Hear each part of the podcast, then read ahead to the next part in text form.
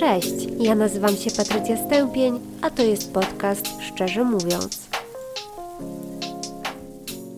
Witam Was już niemalże poświątecznie. W każdym razie, kiedy pierwsze osoby będą słuchały tego odcinka, my będziemy już w drodze do Wrocławia. A mamy przed sobą kilka godzin drogi, także trzymajcie kciuki za cierpliwość Sage'a i naszą. Do dzisiejszego tematu zainspirował mnie jeden z odcinków szpitala New Amsterdam, który przez dłuższy czas był moim netflixowskim guilty pleasure, którym pacjenci oddziału psychiatrycznego doznali objawów wskazujących na zatrucie gazem.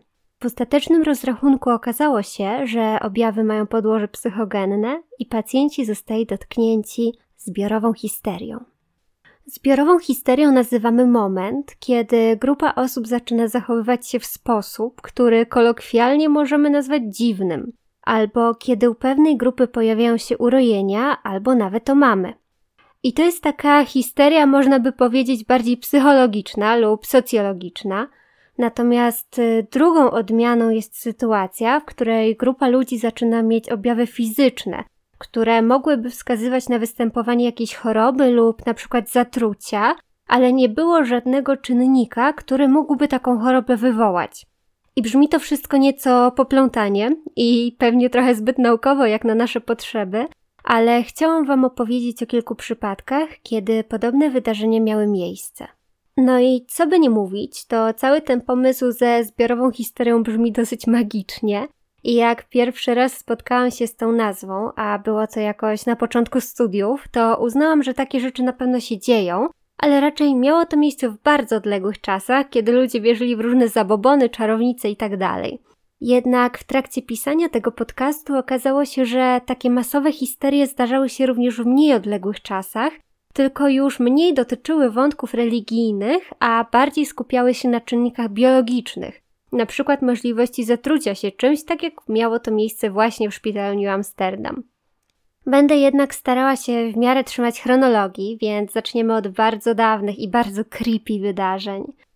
Jako pierwsze rzuciły mi się w oczy zapiski związane z zachowaniem zakonnic. Te dwa, o których opowiem, miały miejsce w XV wieku.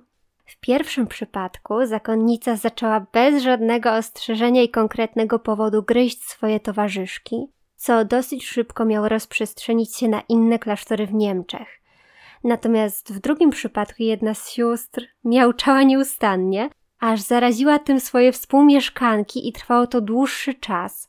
Zupełnie nic nie pomagało, aż wreszcie ktoś wpadł na świetny pomysł, że kobiety wystarczy ubiczować. No i rzeczywiście pomogło. Jeżeli chodzi o koty, to w tamtych czasach we Francji, bo właśnie tam się to działo, wierzono, że koty mogą być pośrednikami szatana w opętaniu człowieka. Także w jednym i w drugim przypadku stwierdzono, że zakonnice są opętane. Jak to się stało, że właśnie zakonnice okazały się podatne na zbiorową histerię? W dużej mierze zależało to od ich stylu życia. Wtedy zakonnice miały naprawdę ciężko. Teraz też wiadomo, ale w porównaniu ich styl życia wypada naprawdę ok. Młode dziewczyny często były oddawane przez rodziny do zakonów bez brania pod uwagę ich decyzji. W ogóle jakiś czas temu zwiedzaliśmy kościół świętego Maurycego w Mediolanie i cudowna pani przewodniczka wolontariuszka opowiadała nam o siostrach zakonnych, które tam służyły. Istniała oddzielna część kościoła przeznaczona dla wiernych i tam znajdował się ołtarz, a zakonnice były za ścianą i służyły do mszy podając księdzu różne niezbędne rzeczy tylko przez malutki otwór. Po modlitwie szły do zakonu i nie mogły mieć kontaktu z nikim z zewnątrz. Poza tym bycie zakonnicą zakłada deprywację wielu różnych potrzeb, tak po prostu z ludzkiego punktu widzenia, ciągłe myślenie o grzechu i czystości, życie w poczuciu winy. Właśnie z tych czynników może wynikać zwiększona podatność na zbiorową histerię. Niemniej jednak musicie mi przyznać, że wizja kilkunastu zakonnic miałczących codziennie przez kilka godzin wydaje się być i przerażająca, i nieco zabawna. Znaczy, dla mnie, nie wiem czy dla kogoś z bardziej typowym poczuciem humoru również. Innym rodzajem grupowej histerii były wybuchy tanecznej manii. Usłyszałam o tym już bardzo dawno przypadkiem i moją reakcją było takie, co kurwa? Ale rzeczywiście się to działo. Wyglądało to mniej więcej tak, że grupy ludzi, często nawet dziesiątki, zaczynały szaleńczo i bez tchu tańczyć na ulicach, co prowadziło albo do wyczerpania, albo nawet do śmierci uczestników. Zwykle kończyło się na tańcu, ale podobno można było również dostrzec ludzi zachowujących się jak zwierzęta, rozbierających się do naga lub uprawiających seks. Jedna z najlepiej opisanych epidemii tańca miała miejsce w 1518 roku w Strasburgu. Wszystko rozpoczęło się w lipcu od jednej tańczącej kobiety o imieniu Trofea. Po kilku dniach razem z nią tańczyło już ponad 30 osób, a po miesiącu na ulicach miasta znalazło się około 400. Podawane są dwie możliwe przyczyny wystąpienia tej plagi. Pierwsza z nich jest raczej biologiczna i za występujące objawy obwinia się sporyż. Tak, też pierwsze słyszę o sporyszu, więc śpieszę z wyjaśnieniem, że jest to forma przetrwalnikowa buławinki czerwonej, czyli takiego grzyba, który atakuje różne zboża. No i ten sporyż ma w sobie sporo związku, który wykazuje podobieństwo do LSD i może powodować objawy psychotyczne. A drugim wyjaśnieniem jest właśnie to, które nas interesuje najbardziej, czyli że była to taka czysta zbiorowa histeria i wynikała ona z tego, że mieszkańcy tamtego obszaru cierpieli głód i biedę, a do tego byli przesądni. Ale te wyjaśnienia, o których właśnie opowiedziałam, pochodzą z bliższych nam czasów. Co w takim razie sądzili ówcześni lekarze? Że zachowanie tańczących ludzi wynika z gorącej krwi i trzeba pozwolić im się wytańczyć. Co z tym zrobiono? Zbudowano drewnianą scenę i udostępniono rynek zbóż pod miejsce do tańca, a w dodatku zatrudniono muzyków, którzy mieli muzyką podtrzymywać tańce. Innym fascynującym przypadkiem masowej histerii był proces czarownic w Salem. Pozwolę sobie opowiedzieć Wam o nim tylko pokrótce, ponieważ temat tak bardzo mnie zainteresował, że pobrałam sobie już e-booka dotyczącego tylko tych wydarzeń, więc na pewno będę nagrywała oddzielny odcinek. Przy czym proszę Was od razu o uzbrojenie się w cierpliwość, ponieważ książka ma ponad pół tysiąca stron, a ja mam w zanadrzu jeszcze inne tematy na odcinki, także chwilę sobie od tego tematu odsapnie, odsapniecie. Może zacznę od tego, że Salem znajduje się w Stanach Zjednoczonych, bo szczerze mówiąc, zanim zaczęłam robić research, to i owszem o procesie w Salem słyszałam, ale nigdy nie interesowało mnie to głębiej y, i gdzie ta mieścina się znajduje również nie wiedziałam. Ogólnie w tamtych czasach, a proces odbył się w 1692 roku, amerykańskie sądy miały dosyć liberalne podejście co do oskarżeń o czary. W niektórych przypadkach oskarżony został uniewinniony i nawet otrzymywał odszkodowanie za zniesławienie. No ale jak widać nie wszędzie tak było.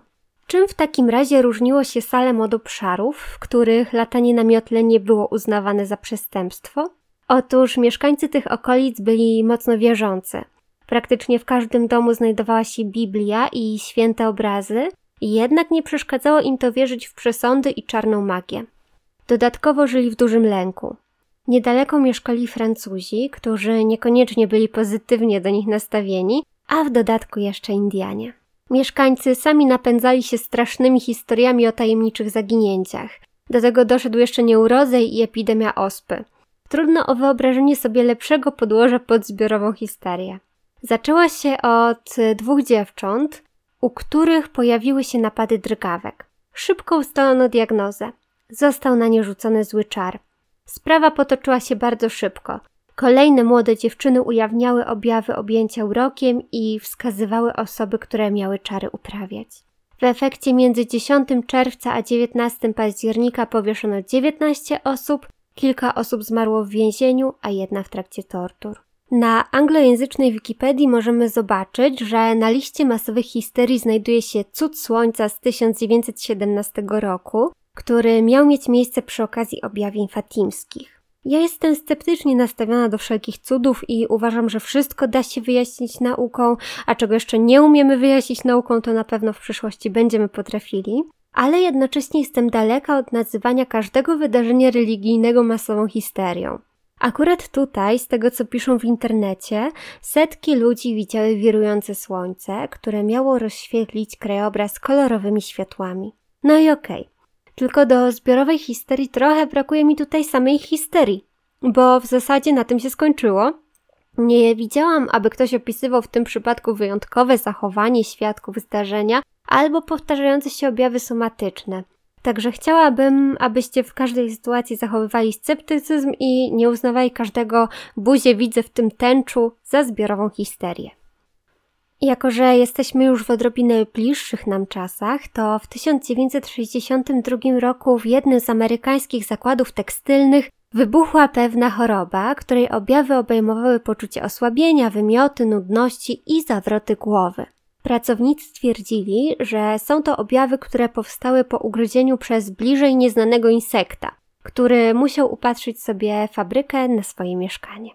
Aż 62 pracowników cierpiało na podobne objawy, a kilku było nawet hospitalizowanych. Po badaniach jednak lekarze uznali, że był to przypadek masowej histerii, ponieważ nie wszyscy pracownicy mający objawy byli w stanie wskazać ślad po ugryzieniu, a osób chorych znacznie przybyło po tym, jak sprawą zainteresowały się media. Przy okazji miejsce pracy zawierało mnóstwo stresorów, fabryka była niedawno otwarta, przeludniona i słabo zarządzana. I kolejny przypadek, również e, z tajemniczymi somatycznymi objawami. W 1999 roku kilkoro dzieciaków z jednej z belgijskich szkół poczuło się słabo po wypiciu Coca-Coli. Pojawiły się u nich bóle głowy, dreszcze i zawroty głowy. W ciągu tygodnia podobne objawy wykazały setki osób w Belgii i krajach sąsiednich. W Europie zdjęto spółek około 30 milionów puszek Coca-Coli, a do tego doliczyć trzeba również straty związane z negatywnym marketingiem. Po dokładnym przebadaniu napoju okazało się, że nie mógł być on przyczyną tego typu objawów i całą sytuację zaliczono jako kolejną masową histerię. A jak już przy młodych ludziach jesteśmy, to w 2006 roku wśród portugalskich nastolatków zaczęła szerzyć się tajemnicza choroba, która objawiała się wysypką, trudnościami z oddychaniem oraz zawrotami głowy. Doszło do tego, że kilka szkół zostało tymczasowo zamkniętych, jednak po niedługim czasie okazało się, że za występowanie choroby odpowiedzialny jest serial o tytule Truskawki z cukrem, który był w tamtych czasach popularny wśród młodzieży, a w ostatnim emitowanym odcinku szerzył się w nim śmiercionośny wirus. No dobra, ale jak to się dzieje, że niektórzy są bardziej podatni na masową histerię niż inni? Przejrzałam trochę anglojęzycznych artykułów, bo niestety w polskiej literaturze zbyt wiele się na temat zbiorowej histerii nie mówi i jak to zwykle bywa, znalazłam czynniki środowiskowe i wewnętrzne. Jak już pewnie zauważyliście po tych kilku przykładach, które przed chwilą opowiedziałam, bardzo ważna w przypadku masowej histerii jest społeczność, w której człowiek przebywa, to w co taka społeczność wierzy, jakie wartości wyznaje, czy jest ona zamknięta, czy otwarta. No i tak jak czasy się nam zmieniają, tak ewoluuje nam to, w co ludzie wierzą. Także dawniej było więcej religijnych i przesądnych czynników wyzwalających zbiorową histerię, a teraz mamy raczej biologiczne i polityczne. A co do czynników wewnętrznych, literatura podaje między innymi młody wiek, wyższy poziom neurotyzmu i doświadczenie traumy w przeszłości. Ale wyniki nie są spójne, więc nie bierzcie ich jako fakt ostateczny, tylko raczej jako pewną tendencję. No dobra, przebrnęliśmy, tak samo jak przebrnęliśmy przez święta i już prawie przez 2021 rok. To już ostatni odcinek podcastu w tym roku. Dziękuję Wam, że ze mną byliście. To było dla mnie super nowe doświadczenie. Słyszymy się w 2022. Trzymajcie się. Pa.